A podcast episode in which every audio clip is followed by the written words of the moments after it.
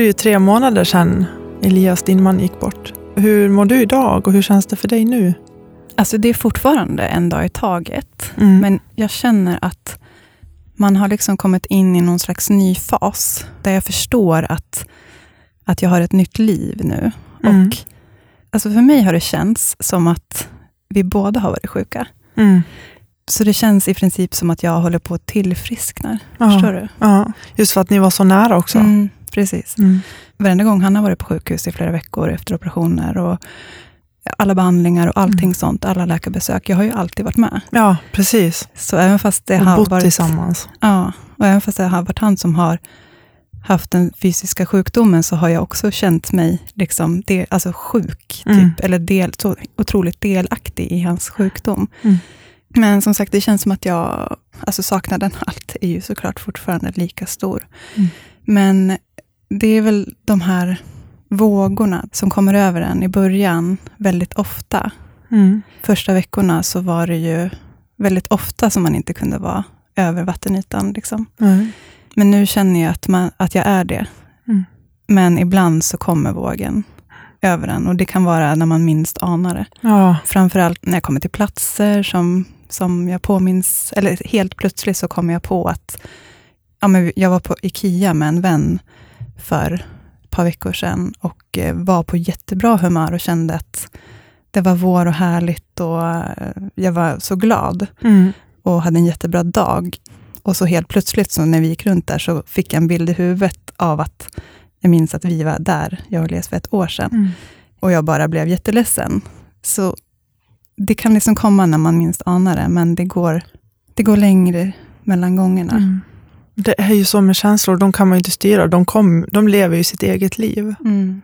Det tänker det är ju väldigt typiskt det där också. Platser, lukter eller dofter kanske man säger. Att det väcker mycket minnen och känslor. Mm. Alltså jag, jag tänker också så här att eh, jag- jag är i en situation nu som inte jag kan påverka eller göra någonting åt, utan situationen är som den Mm. är. Så att jag har nog alltid haft liksom ett... Jag får liksom försöka att förstå nu att, att jag har ett nytt liv Mm. och att jag måste göra det bästa av det som är nu. Mm. För jag kan inte påverka situationen. Nej. Är det en skön känsla när du tänker på ett nytt liv? Eller hur Känns det hoppfullt?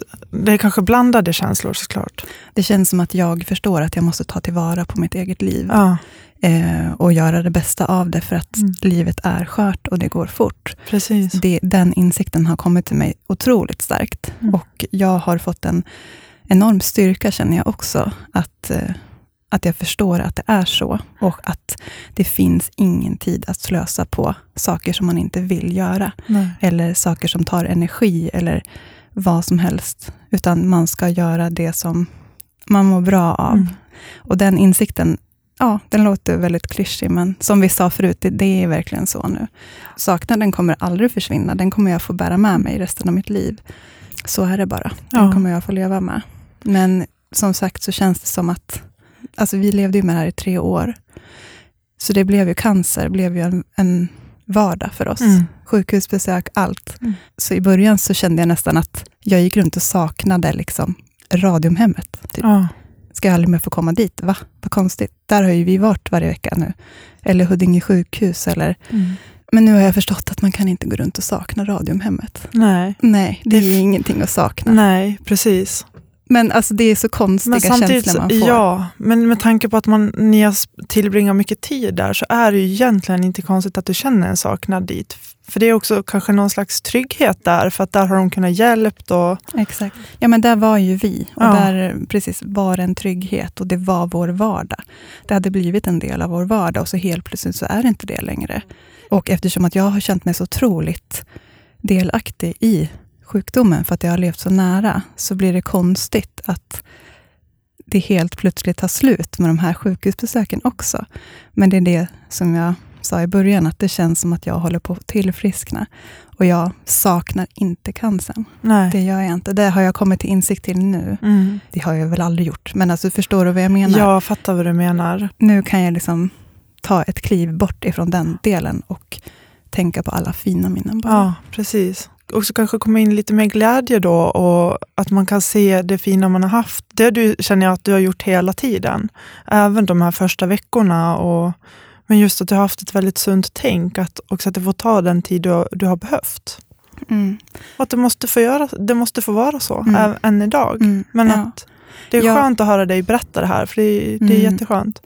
ja, alltså tiden har man ju förstått gör otroligt mycket för oss. Mm. Som jag sa förut, man, jag vet inte hur jag kommer må. Jag visste inte för en månad sedan hur jag skulle må idag, eller hur, hur jag kommer må om en månad. Eller, utan, och jag tänker inte så mycket på det, utan jag tar en dag i taget Mm. och går in i liksom varje känsla. För att jag tänker att det är viktigt Mm. att göra det. Ehm, och låta tiden göra sitt. Ja. Och jag känner mig själv. Jag Mm. vet vad jag kan gå in i och vad jag inte kan gå in i. Så det gäller bara att lyssna på sig själv ja, och sina känslor sunt. Jättebra. och ta en stund i taget. Ja. ja, för jag tänker också det, har man inte svaret, jag brukar tänka så, har man inte svaret själv, så lämna det åt tiden, för Mm. svaret kommer till dig. Så sant. Där, så har det varit jättemycket Mm. för mig och jag tror att Det är ingen annan som kan ha svar på... Nej, och vi kan stressa och leta efter svar, men ibland måste man bara backa Mm. lite och bara låta, Mm.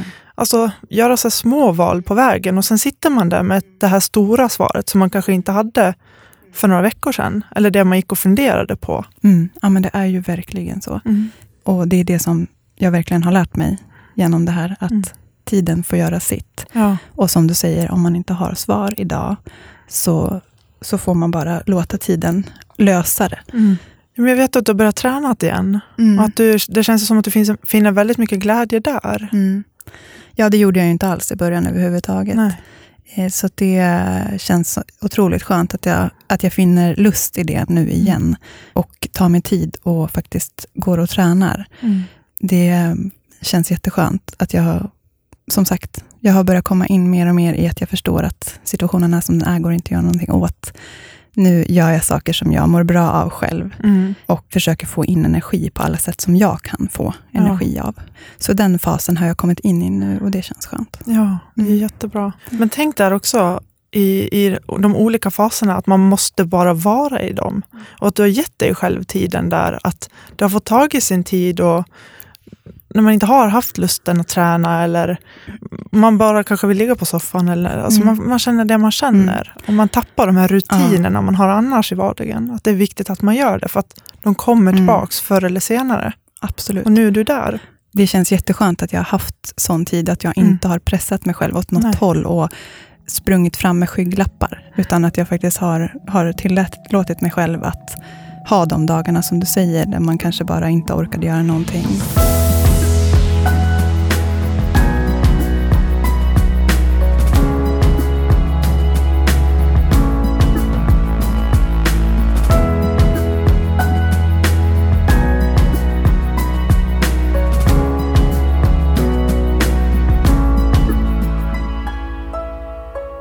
Vi ska övergå lite, jag tänkte fråga lite hur du mår.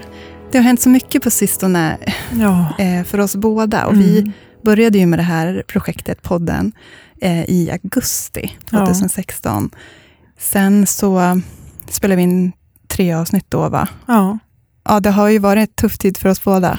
Men hur, hur mår du, Emma? Alltså jag vet inte, jag blir inte riktigt klok på mig själv. För jag tycker att jag mår väldigt bra trots att min situation ser ut som den gör.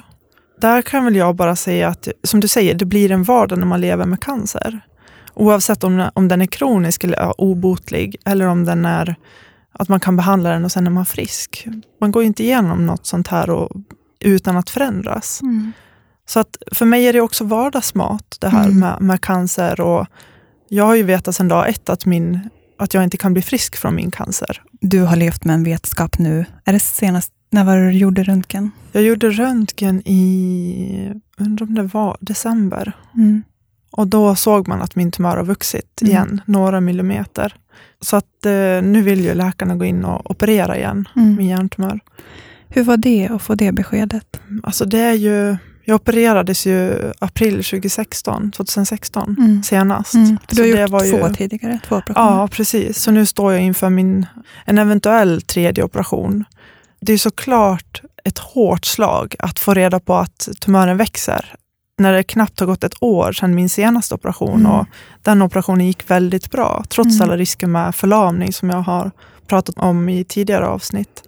Det är ju svårt och tungt att få ett sånt besked, för att det man hoppas, eller det jag hoppas på, det är ju att jag ska kunna leva och få vara i fred i alla fall några år. Mm. Hade jag fått fyra år där det bara var lite lugn och ro och försöka satsa på det jag vill göra, och så hade det var- varit helt okej, Mm. eller mer okej, att, att få reda på ett sånt besked då. Mm. För att jag vet att min prognos och diagnos ser Mm. ut som, som den gör. Mm.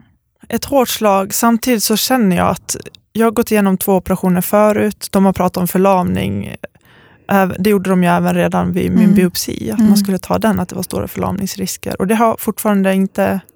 Jag har kunnat träna upp det. Mm. Min, min vänstersida har blivit lite förlamad under en, en period, sen har jag kunnat träna upp det. Mm. Så att det har ju gett mig otroligt mycket hopp.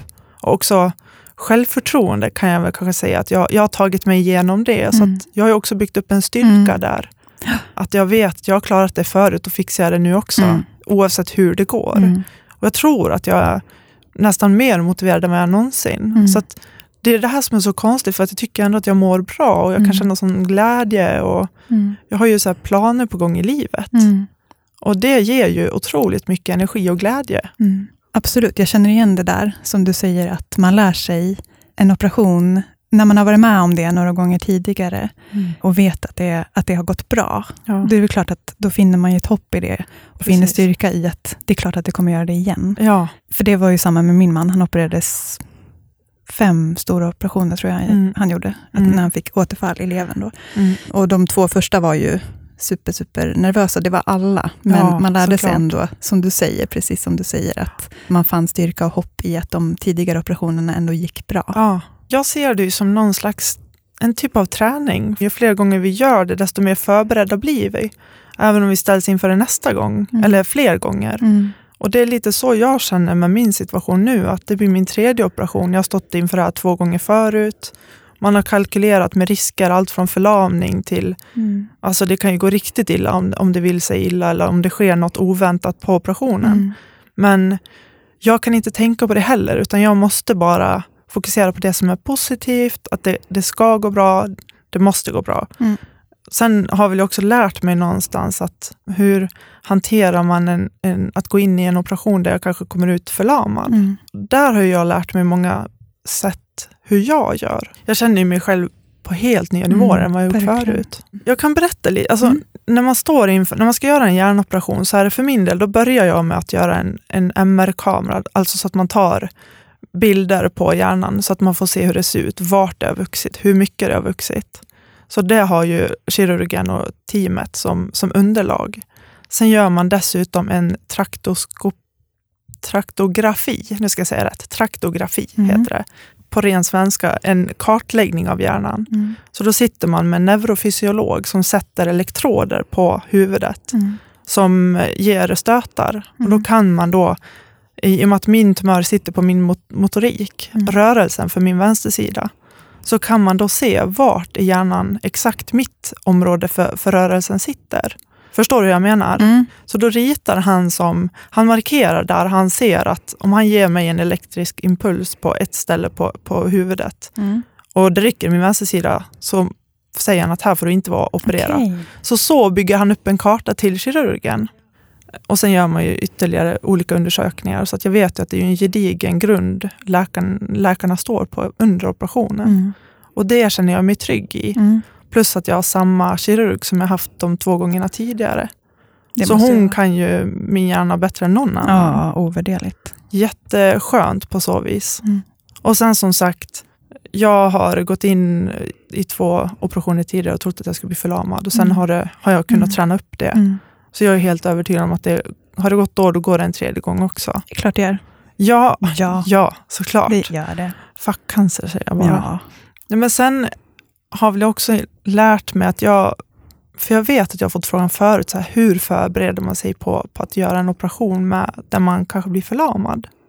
Och för mig har ju det varit, jag har ju en sån här mental bioduk där jag målar upp bilder över resultat, mål som jag vill nå. Och står jag då till exempel inför en, en operation som kan göra mig förlamad, då målar jag upp massa bilder i mitt huvud att jag går, jag, springer, jag hoppar och leker med min hund. Mm. Och det är det enda jag ser. Mm. Jag tittar inte på rullstol, jag tittar inte på att jag inte kan gå, jag tittar inte på att jag ligger som en grönsak i, Mm. i sängen, Mm. utan jag målar bara upp så positiva bilder.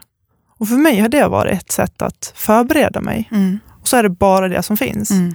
Bara fortsätt, fortsätt, fortsätt framåt. Mm. Ja, men det är väl supersunt att tänka Det har så. hjälpt tänker jag. mig. För det, man har ju alltid två lägen. Antingen kan man tänka åt det ena hållet eller Ja. så kan man tänka åt det andra hållet. Mm. Positivt, negativt. Varför ska man tänka på det negativa när det finns ett annat alternativ? Ja. Det känns ju bara destruktivt. Ja. Så det är ju supersunt av dig att du tänker så. Och väldigt målande att du har en sån bild. Mm. Det tycker jag beskrev väldigt bra. Ja, men jag, tror, jag tror att det hjälper många, många gånger att man verkligen visualiserar det Mm. framför sig. Verkligen. Och jag ser det så tydligt. Försöker jag föreställa mig en rullstol så ser jag det inte ens. Nej. Så, för det ska inte bli så. Så försök att fokusera på det jag kan göra och sen är resten är upp till slumpen hur det Mm. går. Mm. kommer gå skitbra, Emma. Ja, jag ska göra allt vad jag kan och jag har Mm. mycket kvar att ge. Jag tänkte på det här, du lever ju med en obotlig hjärntumör. Mm. Min man levde också med en obotlig gallgångscancer. Mm.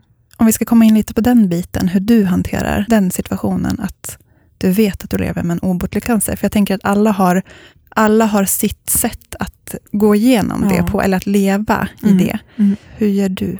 Ja, hur gör jag? Jag tror att jag, jag försöker väl verkligen ta vara på, på varje dag jag får. Men också just se vad jag har och fokusera på det. För jag vet ju också att så länge det är bra så är det bra. Och då försöker jag njuta av det. För att jag vet att min tillvaro är väldigt skör. Och då blir det att jag tar extra vara på den. Och, för att jag vet att en smäll kommer förr, förr eller senare. Sen hoppas jag ju och ber jag ju bara till allt jag tror på att det ska ta flera år innan smällen kommer. Men jag vet att den kommer förr eller senare. Jag brukar säga att det är som att gå runt med en vilande vulkan i huvudet. Man vet att det får ett utbrott, man vet bara inte när. Så jag är ju ständigt beredd på att det där slaget ska komma. Men det är inget jag försöker fokusera på, utan jag försöker fokusera på det som ger mig mening och glädje i livet. Så det är väl så jag hanterar det, att göra sånt som jag mår bra av. Träna, umgås med vänner, familjen, skriva, Mm. vara ute. Mm. Allt möjligt sånt som, som ger energi. Mm. För att så länge det är bra, då tänker jag njuta av det. Mm. Och när det väl är dåligt, då är det ju som det är. Mm. Varför ta ut något i förskott om det är bra? Mm. Ja, men det låter ju så sunt. Att försöka fokusera på det man faktiskt kan göra, eh, snarare än det man inte kan göra. Mm. Sen ibland så kanske det såklart är lättare sagt än gjort. Ja, Men- absolut. Det är väl ett superbra mindset att ha. Hur gör du som närstående? Hur hanterar du den här situationen med att leva med någon som lever med kronisk cancer? Alltså jag tror att det var så att eh, när vi fick diagnosen eh, så var det ju väldigt, en väldigt hård diagnos att få på en gång och de kunde nästan säga från dag, dag ett hur allvarlig den var. Eh, och då tror jag bara att första tiden, första halvåret, då slutade jag med allt. Jag Mm. slutade träna, jag älskar att träna. Jag slutade gå ut och träffa vänner. Eh, jag slutade med allt som jag tyckte om. För att jag tänkte så här att vi träffade mycket vänner tillsammans och sådär, men, men jag, jag slutade göra saker bara för mig själv. För att jag tänkte att nej men han kan inte gå och träna. Nej. Varför ska jag göra det? Han kan inte bara gå ut och käka middag med en kompis när han ska in på behandling dagen efter och mår dåligt, så då tänker inte jag göra det. Jag slutade med allt Mm. och bara fanns där för honom. Och det höll ju inte. Nej. Det höll inte längre. Och sen så pratade jag och min man, vi gick till en psykolog varannan vecka. Eh, och då pratade vi om allt möjligt. Mm. Och då minns jag att den psykologen sa åt mig, för jag berättade om, om det här. Han frågade liksom, vad gör du för att hantera det här? Och hur får du energi in? Mm. Och så. Och då så berättade jag att nej, jag, jag vet inte, jag har blivit bjuden på middag, minns jag att jag sa, till helgen, men jag vet inte hur, jag vet inte om jag ska gå. Eller. Mm. Och då gav han mig en läxa, att det är klart att du ska gå. Mm. Och så sa han så här, kom ihåg Lotta, att du kan ta en paus Mm. ifrån cancern. Det kan inte din man, Nej. men du kan det. Och då, där kan du finna din energi. Precis. Och det var så skönt att få höra det. Ja. För, det var, för mig var det liksom inte tillåtet. Nej. Det var samvetet också som spelade in så mycket. Varför ska jag gå ut och käka middag? Mm. Eller varför ska jag gå till gymmet? Så det var så skönt när han sa det till mig. Ja. För då, då förstod jag att Och, och, min man var ju så här, men det är väl klart. Alltså, Ja, han hade absolut precis. inte sådana tankar som jag hade. Nej. Och det sa han till mig, men jag, det var som att jag inte... Men är det inte lite svårt att höra det från honom? Jag tror att man behöver höra det från någon annan och Mm. helst kanske någon utomstående Mm. som är psykolog eller Mm. som verkligen säger att det här är okej. Ja. Att du, du tar den. Ja. För, för jag tror att många närstående kan känna igen sig i, Mm. i just det precis som du känner och säger. Jag tror att många handskas Mm. med samvetskval Ja. Och att det är mycket problem som ligger där. Ja. Man inte tillåter sig själv göra saker. Men jag lärde mig då att, då gick jag på den här middagen och Mm. jag började träna igen. Och jag började liksom rannsaka mig själv och tänkte, vad är det jag får energi in av? Mm. Okej, det är det här, det är det här, det är det här. Bra, då ska jag försöka göra det. Och sen gör jag de sakerna och sen kan jag gå hem och ge energi in i vårt Precis. förhållande och till min man och kunna vara där till Mm. fullo. Istället för att vi båda skulle liksom gå och bara bli dränerade Ja. av hela situationen. Så att det fanns ingenting kvar att ge till varandra längre Nej. till slut. Så att där lärde jag mig att, att det var viktigt. Och det är väl just det som är så himla viktigt. Mm. Det har varit mitt sätt. Ja. Att jag förstod vad jag fick energi av och vad som gav mig. Och jag, jag förstod att jag kan ta en paus Mm. ifrån cancern. Även fast jag känner mig så otroligt påverkad själv. Mm. Så kan jag det. Och släppte på det samvetet Mm. för att kunna vara där till fullo sen för min man. Mm. Så jag anmälde mig till ett maratonlopp. Mm. Sprang Stockholm Marathon 2016 i juni. För att jag älskar att springa. Och Mm. eh, det var en asbra morot för mig. För att Ja. man kan inte springa ett maratonlopp utan att träna. Nej. Nej, det kan man Nej, inte. då går man sönder. Ja. Så det går inte. Så, och jag fick så mycket, jag får så mycket endorfiner av, av att springa. Eh, så att då anmälde jag mig till det, drog med min lillebror och fick mina träningspass inför det. Och fick den här liksom, motivationen och eh, peppen för, för det här loppet för mig själv. Mm. Och eh, fick jättemycket energi av det. Jättebra alltså. Sprang det där loppet och jag vet att min man Elias låg inne på Huddinge sjukhus då och hade fått någon kraftig infektion och mådde inte så bra, men han låg inne på, på sjukhus då. Men han hade en sån här liten live-app, så han Ah. kunde följa mig vart jag var. Ja. Så han tyckte det var supernice att Ja. kunna följa mig. Jättebra. Så det blev ett jättefint minne. ja. ja, för jag tänker att det blir win-win. Mm. Alltså istället för att du, skulle in, att du inte skulle ha gått på det. Ja. För hans skull. För jag menar, då förlorar ni båda bara istället. Mm. Ja, men det blev verkligen det. det och han tyckte det var Superbra. skitkul. Att, alltså, det gav ju honom någonting att Ja. göra den dagen. Och, Jag hejar på dig och peppa. Och, Så jag, lärde mig att göra sådana saker och jag Mm. tror att det är viktigt att man försöker att bortse från de här samvetskvalen. För ja. att man måste ta hand om sig själv Mm. för att kunna ge tillbaka energi. För det var viktigt för mig att jag inte behövde trycka. Jag tryckte på paus första halvåret Mm. totalt för mitt liv och för vårt liv. Men sen valde jag att lossa på den där jäkla knappen Mm. och inte tänka cancer utan tänka livet. Livet, ja. Och låta livet få styra. Mm. Det var mitt mindset. ja. Att eh, fokusera på det som jag mår bra av och på livet och inte låta cancern styra. Jag tycker det är jätteklokt och jag tänker också det som drabbar kan jag säga att jag får jättedåligt samvete om mina närstående skulle sluta göra sånt de tycker om eller som får dem att må bra bara för att jag inte kan göra det. Blir, så det blir liksom att alla mår dåligt i det, tänker jag. Då får jag dåligt samvete för att om de skulle hoppa över saker och göra bara för att jag inte kan. Mm. Jag tänker ju tvärtom. Jag blir bara glad, precis som Elias var glad över att han sa, även om han låg på sjukhus så, så kunde han ändå känna glädje. Han kunde ligga där och titta på den appen. Och Mm. att, att det blir en dubbel glädje i Mm. det. Även om det är kluvet och Mm. jättekonstig situation, Mm. såklart. Nej, men det, och det är bra att du säger det, för att eh, Ja. jag tror att man som anhörig eller närstående, Mm. alltså det är nog bra för dina närstående att få höra det från dig. Ja, Det hjälpte mig också såklart, att jag fick höra det från honom, att nej, men det är okej, det är Mm. klart att du ska, att han snarare peppar mig Mm. jättemycket, så att jag verkligen förstod att det var okej för Ja. honom. Det är egentligen självklart, när man tänker på det, så är det klart att du mår bra så länge dina Mm. nära mår bra och Mm. gör det de tycker om. Men det är nog bra att höra det, jag ja också. jag, jag har varit väldigt tydlig med mina närstående. Mm, Hoppas jag. jättebra. Jag tycker jag har varit det.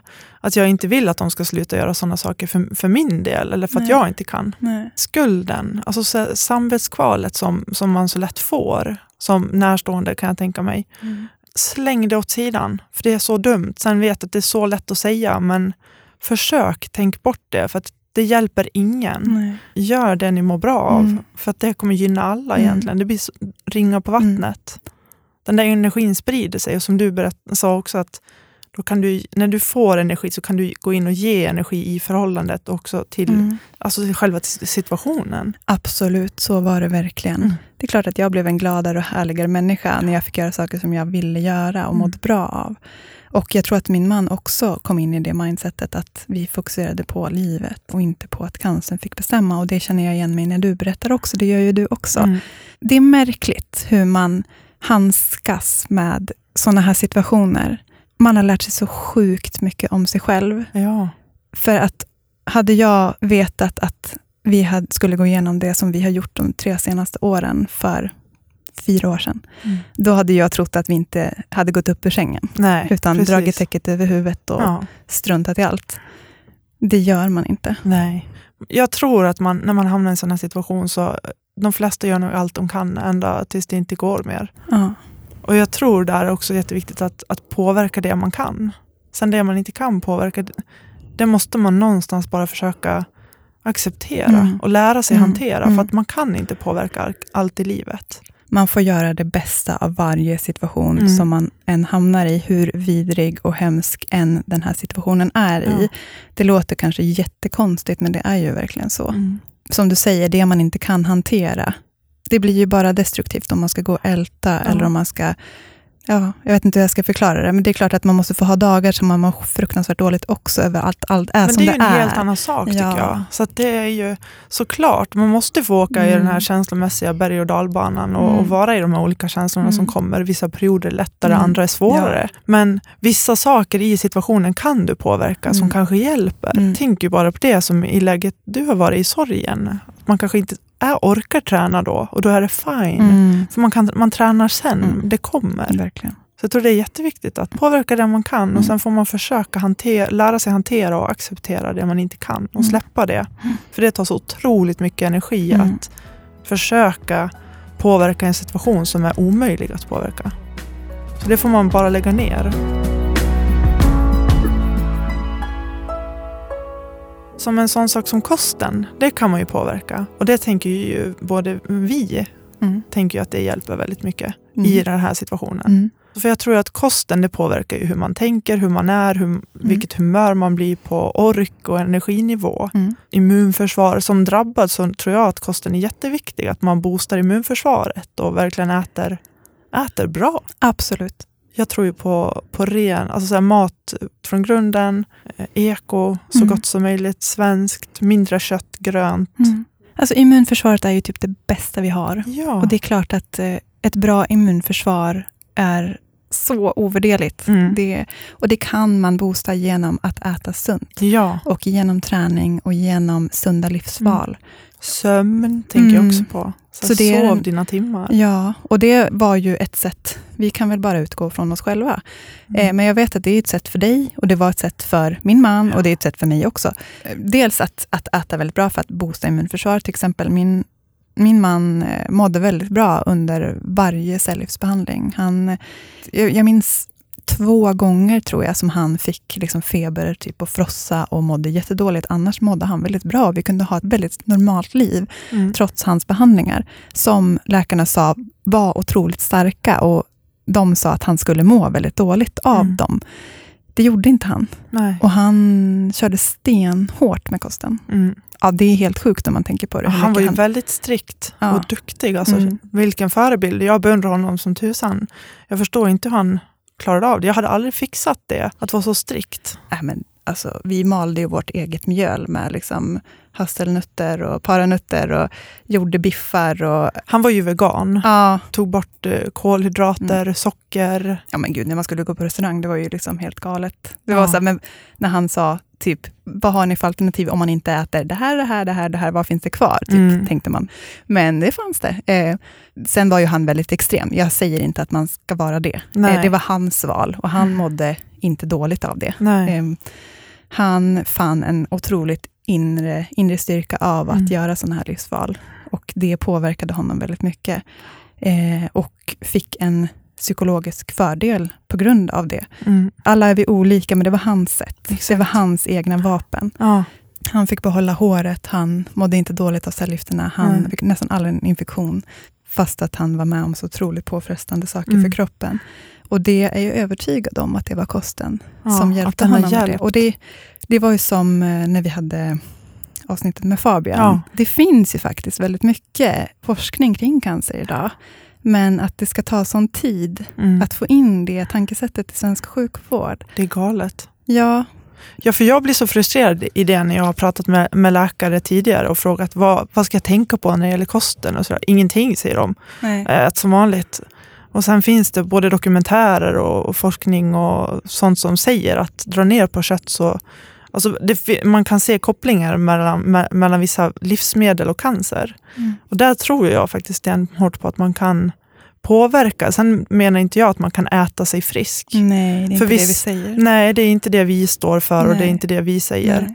Men vi tror att man kan boosta immunförsvaret och genom Mm. att boosta immunförsvaret så kan du hjälpa kroppen att hantera behandling, sjukdomen, att du mår psykiskt bättre. Mm. Du känner dig lättare, du Mm. kanske orkar träna mer. Absolut. Och sen är det ju såklart så också att ibland måste man få unna sig. Absolut. Och Ja. man måste, om man tycker om godis, självklart.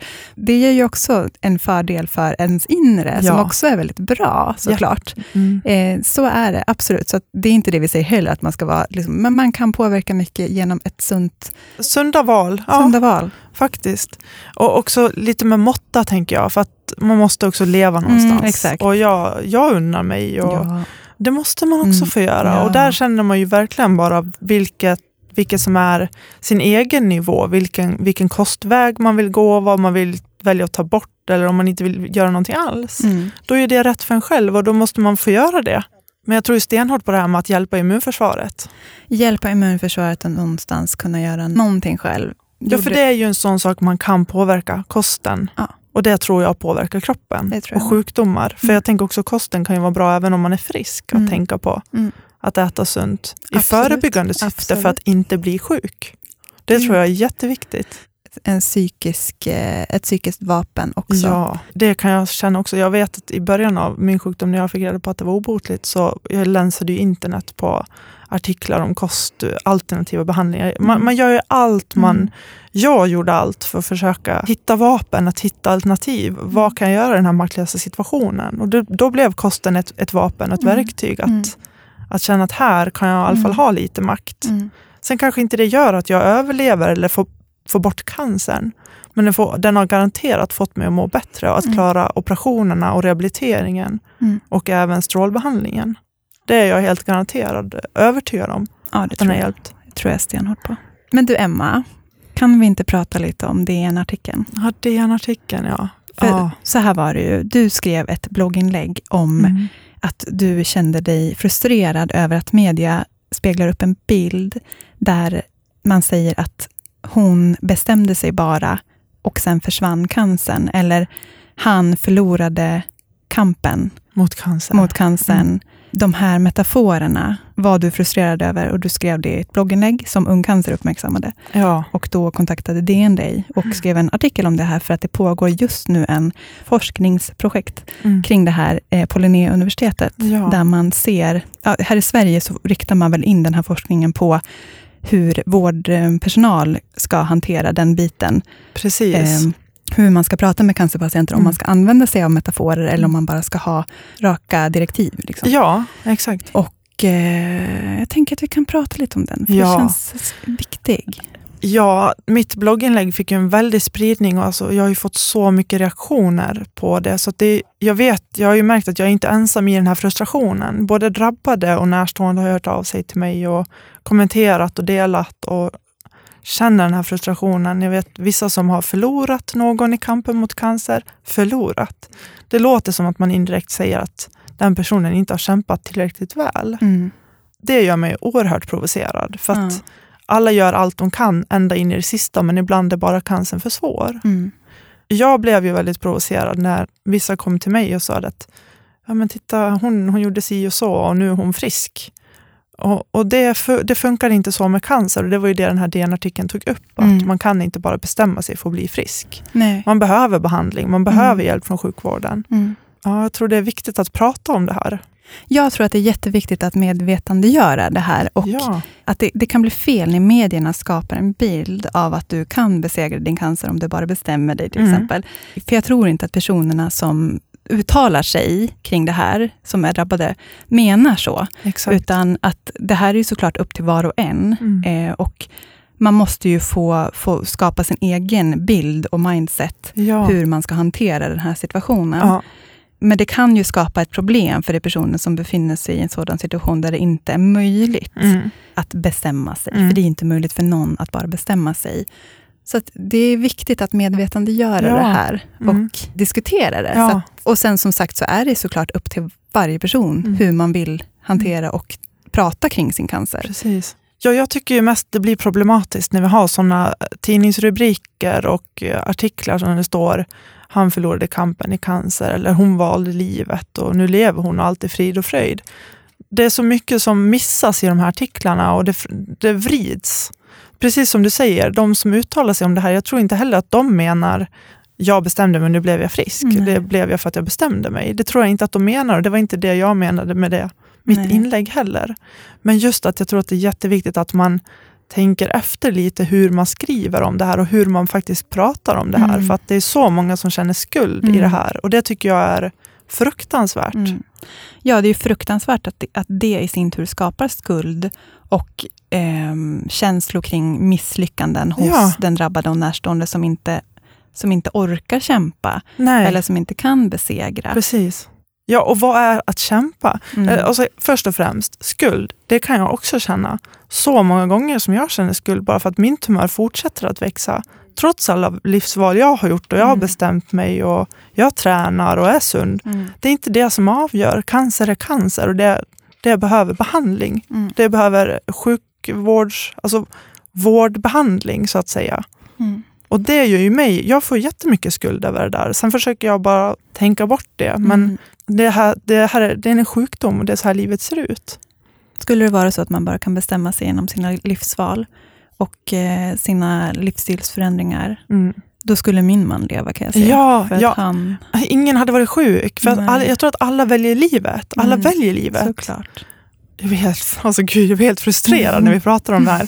Men det är så viktigt. Och Mm. Jag tänker också på det här med att kämpa. Mm. Vad är det egentligen? Jag anser att kämpa, det är allt man gör. Även om man en dag känner att nej, jag orkar ingenting. Jag bara är i den här situationen. Man är fortfarande. Man, att kämpa behöver inte vara att man går ut och springer. Eller att man, det behöver inte vara något speciellt. Att kämpa kan vara att bara stå ut. Mm. Jag tror att alla går in med den känslan att nu jäklar ska jag kämpa mot den här jäkla Ja. skit, skitsjukdomen. Mm. För att det är ju på något sätt vår överlevnadsinstinkt som Ja. kliver in och tar över när man drabbas av någonting sånt här. Så att jag tror att ingen tänker på något annat sätt. Och det tankesättet kan nog hjälpa mycket, att Ja. man tänker att jag ska fasiken kämpa. Mm. Jag tänker inte ge mig. Mm. Utan det mindsetet tror jag att det är svårt att ta sig igenom någonting Ja. så pass svårt som cancer. Men det blir fel när medierna skapar bilder av att Mm. vissa kan bestämma Mm. sig och vissa förlorar. Mm. För att det är inte så det går till. Det är inte det det handlar om. Nej, Det är inte det som handlar avgör. om. Precis. Det är cancer och det, det, då spelar det ingen roll ibland hur mycket man Nej. bestämmer sig, hur mycket man kämpar. Och Jag tänker ju på de här drabbade som har hört av sig till mig och sagt att men jag, jag känner inte att jag kämpar. Mm. Alltså, jag, bara, jag sitter i en maktlös situation, jag orkar inte. Vad, Nej. vadå kämpa? Men jag tänker att det är också någonstans att kämpa, även om man kanske ser det som något slags, någon slags fysisk prestation. Mm. Förstår du vad jag menar? Mm. Att det inte behöver vara det, utan det kan vara bara, bara vara att man, man har tagit sig igenom ytterligare en dag. Mm. Utan att ha gjort någonting speciellt egentligen, men du har, kämp- du har tagit dig igenom det. Så jävla starkt. Du, Ja. du har tagit igenom ytterligare en Exakt. dag. Ja, Fan vad grymt. ja, Absolut. Det är eh, en jätteviktig bit att prata om och det är så viktigt att medvetandegöra det här. Mm. För att det ska inte skapa skuld och Nej, misslyckande känslor nej. kring det här. Det är fruktansvärt. Och, eh, det var en bra artikel. Vi Jättebra. eh, länkar den på Ja, vår det gör Instagram. vi. Precis, Mm. där, där slänger vi upp den. Ja. Och tack DN, säger jag, som lyfter den här frågan och att det blir lite debatt i det här. Det här är ju någonting vi verkligen känner att det här var bara så viktigt att ta upp. Mm, absolut. Vi måste tänka på det där, hur Mm. vi pratar. Mm. Alla Mm. i Sverige, alla i hela världen. Kan vi inte bara sluta säga han eller hon förlorade kampen mot cancer? Vadå förlorade? Mm. Det, det bara gick inte helt Nej. Kan vi inte sluta med det bara? Problemet blir ju, som du sa också, det här med media. Som, det är ju svårt där att få media att sluta med de här Mm. rubrikerna som verkligen säljer tidningsex. Mm. Och det är ju jättesynd. Där vet jag inte om jag har någon direkt lösning på. För det är de som spär på ganska mycket hur man skriver. Mm. Obotlig cancer Mm. och förlorade och Mm. hit och dit. Men därför är det viktigt att vi pratar om det och Ja. medvetandegör det så att vi kan se, ö- se, se vad heter det? Hitta nya Att vi formuleringar. ser vad medierna skriver, men vi tänker ett extra varv. Precis. Att förstår att okej, det är inte så de menar. Nej. Och det är inte så jag ska ta, ta till mig det här. Exakt. Jag tror man måste lära sig att det får rinna av en på Mm. något vis. Men det kan vara otroligt svårt Mm. när man sitter i en sån här situation.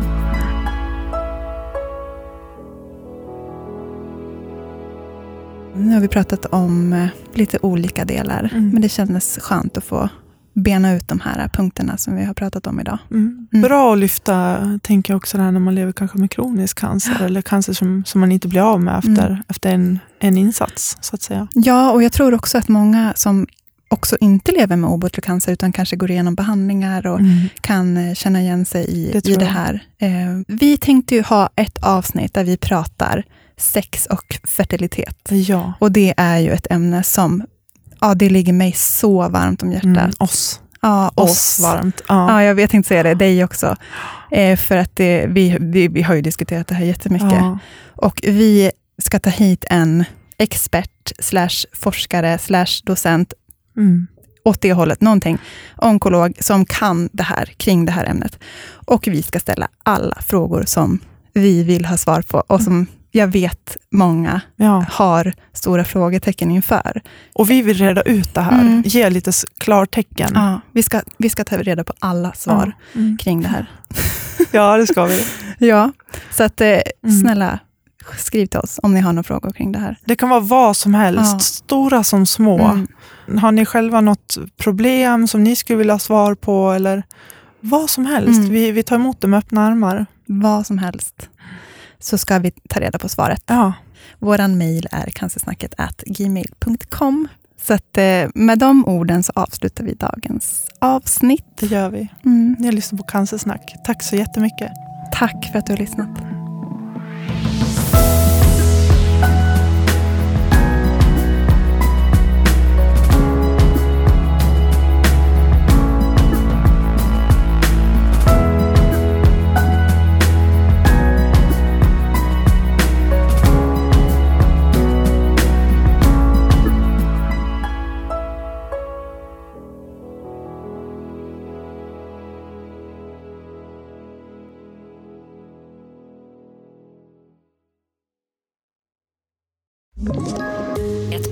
Poddtips från Podplay.